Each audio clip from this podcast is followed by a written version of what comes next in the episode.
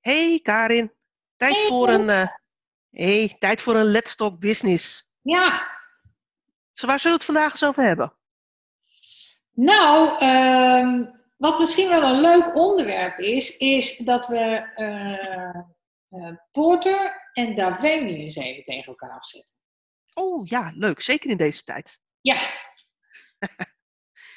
Ja, kijk, wij geven natuurlijk in de opleidingen heel veel, besteden veel aandacht aan Porter. ja, Eh, Het mag duidelijk zijn, Porter eh, heeft onderzoek gedaan naar waarom zijn succesvolle organisaties succesvol. ja, Eh, heeft hij zijn modellen opgemaakt en die modellen zijn generiek, dus die gelden voor elke organisatie. ja, Maar Porter heeft wel een heel groot nadeel. En dat is, dat is nu weer heel zichtbaar, het grote nadeel van Porter. Is dat Porter gaat uit van een maakbare wereld. dat klopt. En- en, en dat betekent ook dat als je eh, een maakbare wereld, eh, in- op zijn Porteriaans denken, zou je zelfs, hè, het ultieme Porteriaanse denken, zou je zelfs in deze coronatijd, op het moment dat je je maar goed positioneert en dat goed systematisch volhoudt en doorvoert in je organisatie, zou je geen problemen mogen hebben. Want ja, de, de wereld is maakbaar en als ik maar goede keuzes maak, dan overleef ik dit als organisatie. Ja, Waar, waar Porter in zijn maakbare wereldbeeld eigenlijk niet van, eh, bij stilstaat, is dat bijvoorbeeld eh, nou ja, er, er een crisis kan zijn, een pandemie kan zijn, je leveranciers niet kunnen leveren, eh, je van de overheid dicht moet of niet meer naar je klanten toe mag. en al dat soort zaken. Daar, daar staat Porter in zijn model, zijn denken eigenlijk niet bij stil. nee, dat klopt. Je zou eigenlijk aan de andere kant bijna denken van wie wel, hè? want, eh, Ja. want er zijn. ik denk dat er maar weinig eh, bedrijfskundige modellen zijn die uitgaan van dat, eh, dat de wereld zo heftig kan veranderen als, het, als we op dit moment ervaren. Nee, absoluut. Maar er zijn toch wel modellen hè, die toch ook bezighouden en die kijken. En bedrijfskundigen die, die, die ehm, eh, de overtuiging hebben en ook eh, dat onderbouwen dat de wereld wat minder maakbaar is dan, eh, dan Porter dat aangeeft. En één daarvan is, is Daveni uiteraard. Ja, ja, ja. En dit, ik, ik, vind, ik vind er altijd wel een hele mooie schoonheid zitten in het model van Daveni. Ehm, het, het is natuurlijk heel erg, ik zou bijna zeggen, denken van de vorige eeuw. Eh, maar er zit wel een, een, een, een, kern van grote waarheid in. Hè? Ehm, misschien leuk om even, even stil te staan bij de achtergrond, hoe Daveni tot zijn model is gekomen. Daveni is geen bedrijfskundige. Um, Daveni is een strategisch, een, een militair strateeg. Ja. Uh, en dat zie je ook heel erg in zijn, in zijn model en zijn, en zijn denken terug. Ja. Daveni is natuurlijk een kind van de Koude Oorlog. Uh, en in de Koude Oorlog ging het heel erg in de tegenstelling tussen Rusland en Amerika. En ging het met name over balans tussen die twee machten. En de balans tussen die twee machten ging ook heel erg over de wapenwetloop. Ja. En dan gaat het erom, uh, uh, eigenlijk vanuit het paradigma, de ander valt mij niet aan als die weet dat ik direct grootscheeps catastrofaal terug kan slaan. Want je legt niet een bom op mijn land neer als je weet dat ik alle, gewoon dan als, als, als tegendaad, zal maar zeggen, alle grote steden in jouw land plat leg. Nee, dus eigenlijk vond hij ook dat een organisatie er goed aan deed om maar in constante revolutie te zijn met haar markt. Nou, niet zozeer revolutie, maar dat je wel als organisatie na moet denken over uh, uh, door wie kan ik aangevallen worden en hoe zorg ik dat ik het voor de ander, voor die andere partij, zo min mogelijk aantrekkelijk maak om mij aan te vallen. Hmm. En hij doet dat heel erg in zijn terminologie, door te zeggen wat zijn nou mijn kernactiviteiten, dat, daar zit mijn core business, die wil ik beschermen. En wat zijn nou activiteiten die ik heel dicht tegen mijn potentiële concurrent, mijn potentiële aanvaller, aan kan leggen. Dat op het moment dat die mij raakt op mijn core business, dat ik gewoon in één keer zo van hats, klats, klats terug kan slaan. Ja, een beetje het Trumpiaans model zouden we bijna willen doen. Ja, het is, het is, die koude, Amerika was niet voor niks ook een partij in die Koude Oorlog. Hè? Ja. Dat, uh, en, en, en het leuke vind ik, nou het bijzondere, ik weet niet, of het opvallende in ieder geval, uh, uh, wij, zo daarom is dit denk ik ook op dit moment voor ons een heel actueel onderwerp. Is wij deden van de week een eindgesprek. En daar uh, in een verzadigde markt. En daar was eigenlijk de conclusie. Onze organisatie heeft niet echt een generieke strategie gekozen, à la Porter. Uh, maar we hebben ook niet de ingrediënten in huis om heel overtuigend een generieke strategie te kiezen. Uh, bovendien is het een volwassen markt. Uh, Daveni is meer van toepassing. Ja. En ik, ik denk een van de dingen die, uh, waar we het meeste tijd ook aan gespendeerd hebben in, in dat gesprek, is heb je nou daadwerkelijk te maken met een volwassen markt die verdeeld is en waar je status quo wil handhaven, het Daveni-terrein? Of is het al meer dan een volwassen markt en ben je inmiddels al in een krimpende markt terechtgekomen? Ja. markten kennen ook een soort productlevenscyclus. Mm uh, dus je, gaat, uh, je, je komt in een groeimarkt, op een gegeven moment wordt die volwassen. En op een gegeven moment sterft de markt ook weer af. Want er komen alternatieven, er komen andere nou ja, poorten, nieuwe toetreders, maar ook substituten. Ja. en dat betekent dat je markt op een gegeven moment ook weer eens weet je, zeg maar, afsterft. En als je al uit die volwassenheidsfase bent en je komt in de krimpfase, dan is de vraag of Daveni nog zo interessant is. En toen? Nou ja, toen kregen we eigenlijk een discussie over, uh, moet je dan wel, stel even dat het een krimpende markt is, hè, moet je dan wel of niet uh, Daveni willen gebruiken? Davenisch denken rondom dat Koude Oorlogmodel, dus het, het elkaar in balans houden, status quo uh, handhaven, zegt er natuurlijk iets over. Als ik zeg maar 30% van de markt heb en mijn grote concurrent, uh, ik heb, zeg maar, ik heb, stel ik, ik ben marktleider, ik heb 30%, ik heb uh, drie grote andere partijen, die hebben ieder 20%. en Daveni gaat erom dat we allemaal ons eigen marktaandeel houden. Dus je mag wel een klantje van mij afsnoepen, maar dan snoep ik ook een klantje van jou uit. Grosso modo blijf ik 30% houden en drie andere partijen blijven 20% houden. Zolang de markt stabiel is, is dat prima. Zolang de markt licht groeit, is dat ook prima. Want als ik dan 30% hou en die anderen houden 20%, dan groeien we ook nog eens een keertje zachtjes in onze systemen. Ja. En dat is fijn, hè, want dat, je moet inflatie uh, goed maken. Dan, dus, dus dan hou je zachte groei en, en dat doen we op basis van een balanssysteem. Verzekeraars zitten bijvoorbeeld in dit systeem. Ja. Maar op het moment dat mijn markt krimpt en ik ga uit van een status quo model, stel even de markt krimpt 3%, dan, als ik ga uitgaan van een status quo model, dan hou ik 30% over van die 3% kleinere markt. En dat betekent dat mijn omzet en afzet gaat dalen. Precies. Dus ik, ik, ik handhaaf wel mijn status quo en toch krimp ik als organisatie. Ja. Dat is wel een consequentie van Daveni gebruiken. Ja. En dat is niet altijd aantrekkelijk voor bedrijven. Nee, en het is denk ik ook niet hoe Daveni zijn strategie bedoeld heeft. Nee, Daveni heeft zijn strategie heel erg bedoeld vanuit volwassen, stabiele markten. Precies. Dus wat zou je nou in krimpmarkten moeten doen? Want als we ons nu, hè, als we nu naar buiten kijken en we zien uh, hoe de markt eraan toe is, in welke markt je ook bevindt, ja, of je moet Amazon zijn of een aantal internetspelers die het toevallig nu heel erg goed doen. Uh, maar overwegend zit er in veel markten toch echt veel krimp. En als je, kijk, dit zijn natuurlijk uitzonderlijke omstandigheden. Hè? En, en uh, het is ook nog niet helemaal, het is ook niet zeker als nou de maatregelen straks opgeheven worden. Of de, uh, uh, de markt van voor de maatregelen weer, zeg maar, geldt. Nee. Of die markt weer even groot is, of dat die kleiner is geworden, of, of nog groter is geworden. Ja, dus het principe wat je nu aanraakt, hè, hebben we te maken met een marktverstoring tijdelijk? Ja. Of, of is door dit ingrijpende coronavirus ook, ook aanleiding dat markten zich duurzaam veranderen en er is sprake van marktverandering.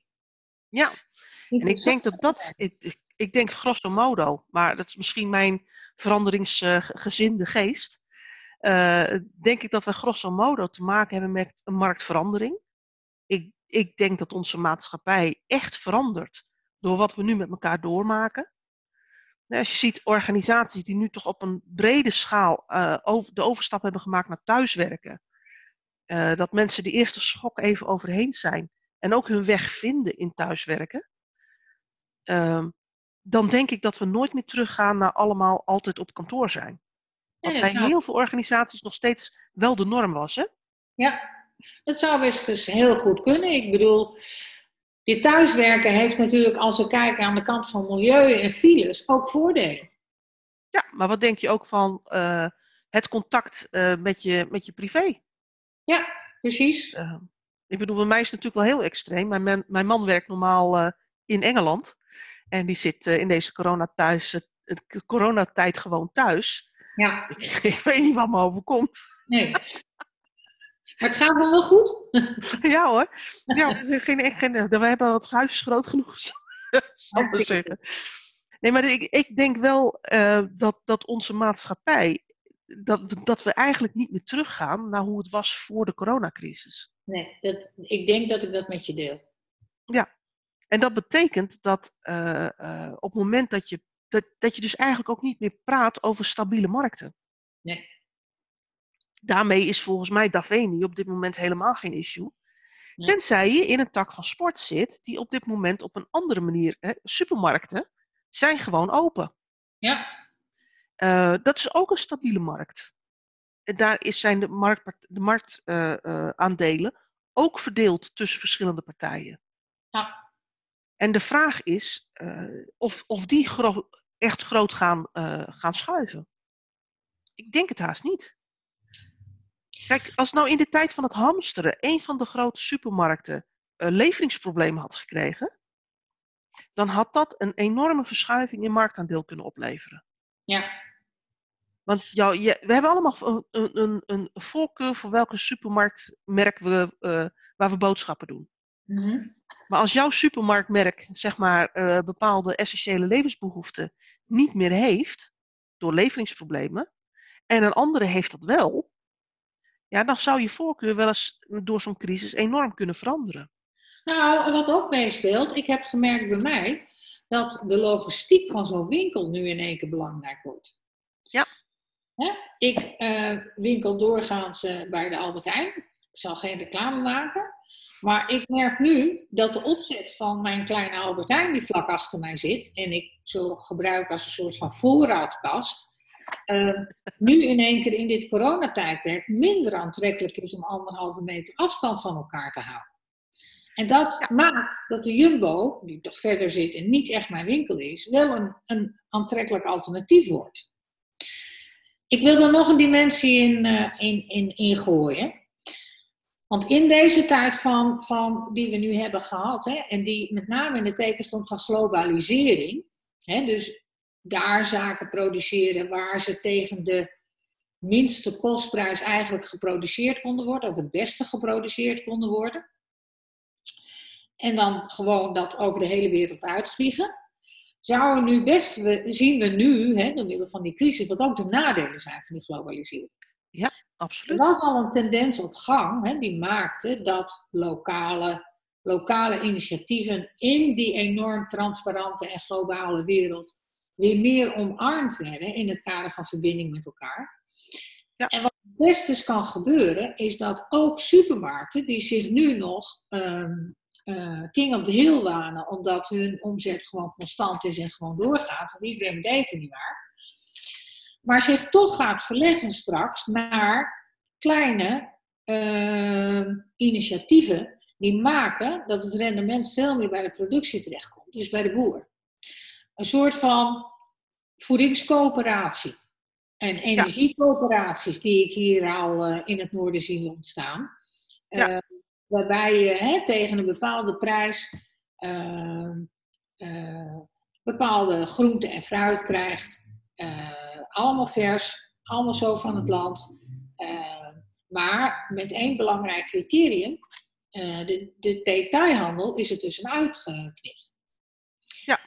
En, en wat wij zelf nu eh, proberen te doen, is in het kader van het leefbaar houden van het dorp en de groenteman en de slager ook overeind houden.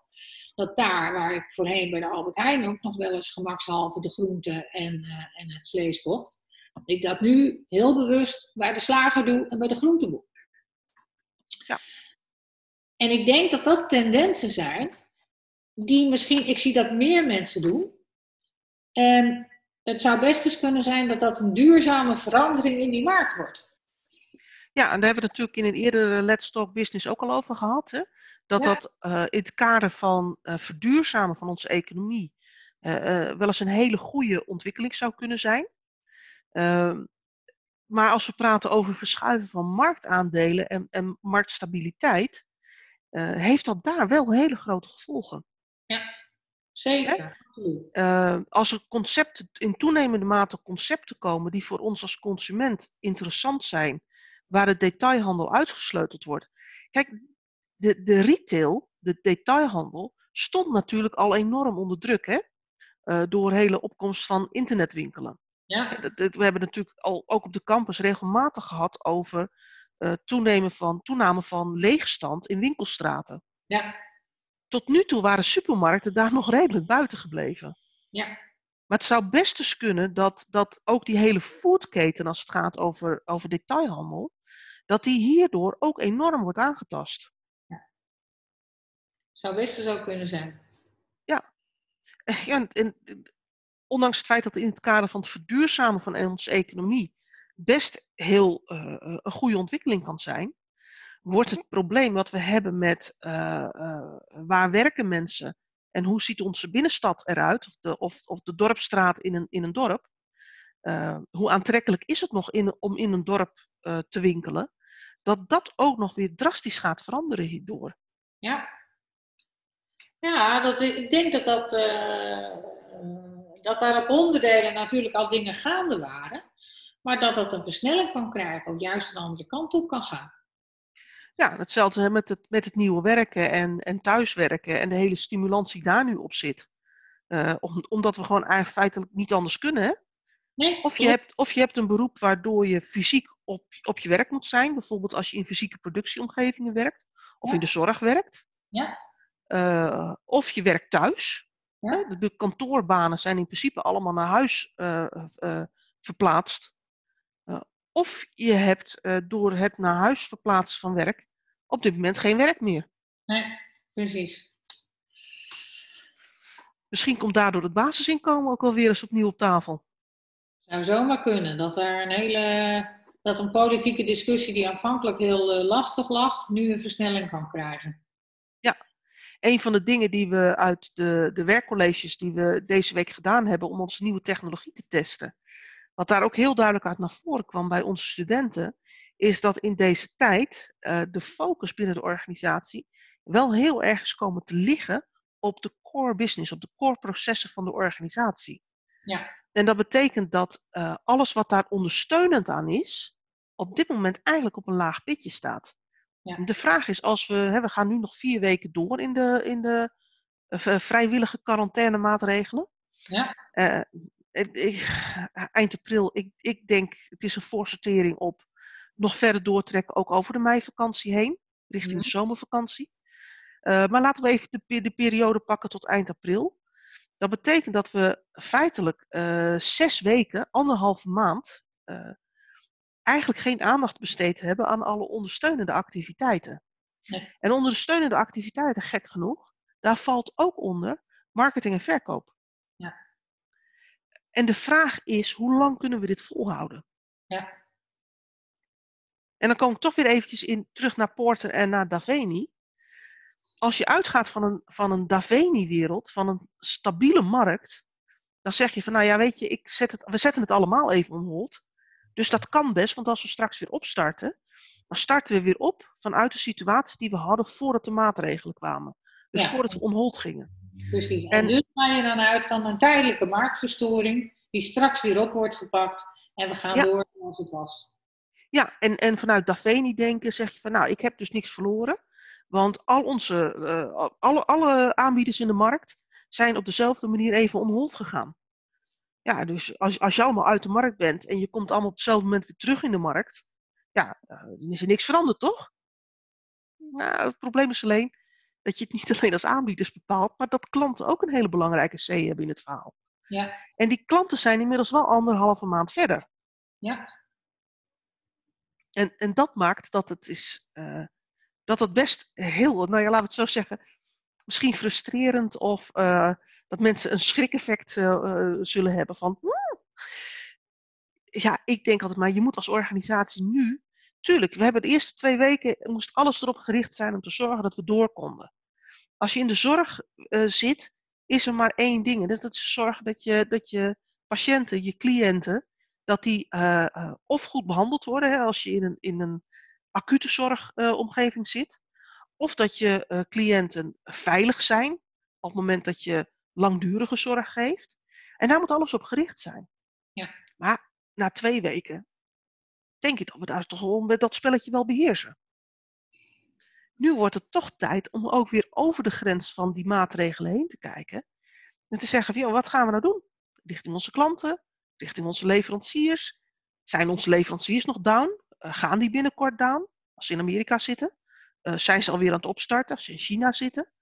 Uh, heb ik dan wel kan, ik, kan ik de spullen dan wel hierheen krijgen? Kan ik de spullen wel ontvangen? Heb ik daar de mensen wel voor?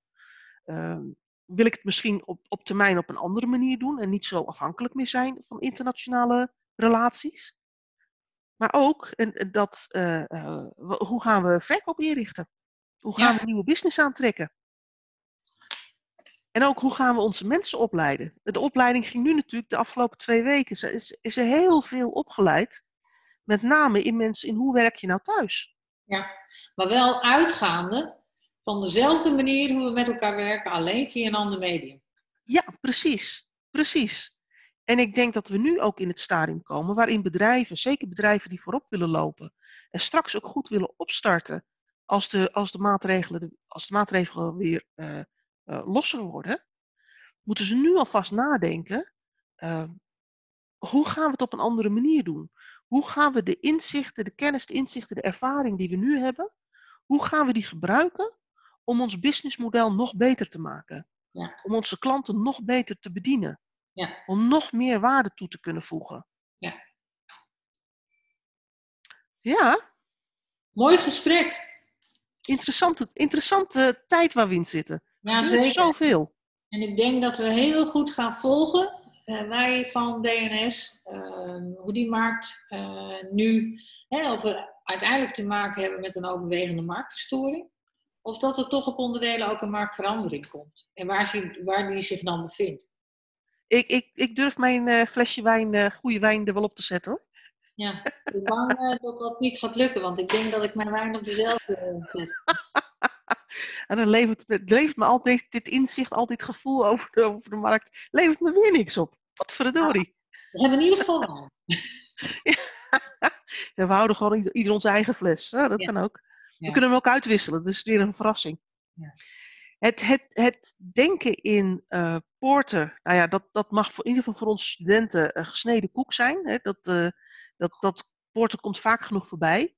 Daveni, eh, eh, het model van Daveni heet strategisch overwicht. Ja. Dat staat in de bibliotheek. En het is echt de moeite waard om dat eens een keer te lezen. Het, Ja. is, het is misschien niet de hele bekende, veel eh, be- behandelde stof. Eh, wij hebben hem heel bewust wel opgenomen om een tegenhanger voor Porter ook eh, te behandelen. En eh, het mooie is van Daveni, vind ik, dat hij echt ook kijkt naar hoe sta je ten opzichte van de markt. Ja. En dat, dat is wel een van de grote meerwaardepunten van Daveni. Want laten we wel zijn, markten zijn niet altijd beïnvloedbaar door de keuzes die jij maakt als organisatie. Nee, en de wereld is zeker niet maakbaar. En als we dat Precies. een moment in de geschiedenis gemerkt hebben, dan is het eh, in 2020, denk ik. Ja, maar ook bij de vorige crisis, hè, de bankencrisis. Ja, dat, dat, dat, daar, daar zijn toen ook voor organisaties dingen gebeurd en dingen veranderd. Die ze echt zelf niet in hun invloedssfeer hadden. Nee, Om toch maar even weer met, met Koffie te praten. Eh, Stephen Koffie, eh, de auteur van Persoonlijk Leiderschap. De zeven manieren van, eh, de zeven manieren van effectief leiders. Zo heet die, die hè, dat boek. Mhm, Ja. Ehm, die heeft het natuurlijk altijd over de cirkel van invloed en de cirkel van betrokkenheid. Ja. En wat er gebeurt, zit in je cirkel van betrokkenheid. Ja. En dat maakt dat, je, dat het niet altijd maakbaar is op basis van wat jij doet. Want jouw cirkel van invloed is veel kleiner dan je cirkel van betrokkenheid. Ja. En Porter gaat er een beetje van uit dat door de keuzes die jij maakt als organisatie, dat je je omgeving kunt maken. Nou ja, ik denk, ik denk dat we met de vorige crisis en nu met deze coronacrisis aan de lijve ondervinden dat het gewoon niet altijd zo is. Zo is het. Ik denk dat dit een mooi moment wordt om, eh, om af te sluiten. Ja. Ik vond het eh, een heel interessant eh, gesprek. Ja, ik ook. Nou, binnenkort doen we dat weer. En dan, Yes. hè? Wordt, wordt vervolgd in de volgende Let's Talk Business. zo is het. Hey, Oké. Hou je haaks. Doei, jij ook. Doei. Doei doei.